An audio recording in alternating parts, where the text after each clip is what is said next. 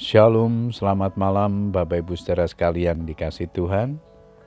Kita bersyukur kepada Tuhan sepanjang hari untuk anugerahnya di dalam kehidupan kita. Malam hari ini kembali kita berkesempatan berdoa dengan keluarga kita. Namun sebelum berdoa, saya akan membagikan firman Tuhan yang malam hari ini diberikan tema hidup itu sementara ayat mas kita di Ayub 14 ayat 1 dan 2. Firman Tuhan berkata demikian, manusia yang lahir dari perempuan singkat umurnya dan penuh kegelisahan. Seperti bunga ia berkembang lalu layu, seperti bayang-bayang ia hilang, lenyap dan tidak dapat bertahan.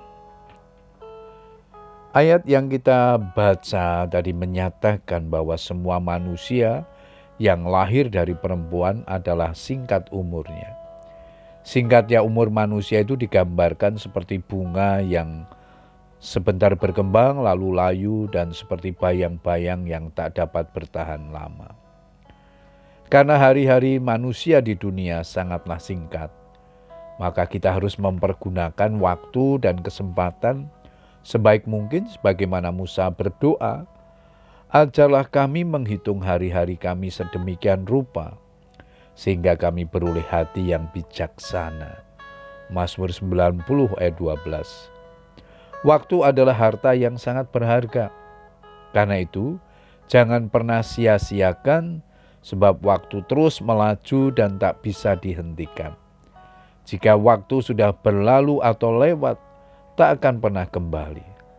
Supaya tidak timbul penyesalan di kemudian hari, kita harus mengerjakan pekerjaan Dia yang mengutus aku selama hari masih siang, akan datang malam di mana tidak ada seorang pun yang dapat bekerja. Yohanes 9 ayat yang keempat. Tuhan Yesus memberikan teladan kepada kita bagaimana menggunakan waktu dengan baik waktunya yang singkat saat berada di bumi tidak pernah disia-siakan. Yohanes 5 ayat 17 di sana dikatakan Bapakku bekerja sampai sekarang, maka aku pun bekerja juga. Sepadat apa pun pelayanannya, Yesus tidak pernah melalaikan jam-jam doanya untuk membangun persekutuan dengan Bapa.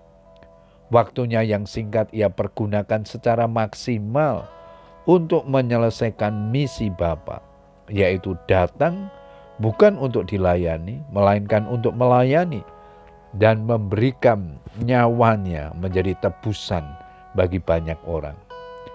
Bapak Ibu Saudara sekalian, sekalipun waktu di bumi ini teramat singkat, hidup kita seharusnya seperti bunga yang menghadirkan keharuman dan keindahan sebelum ia layu.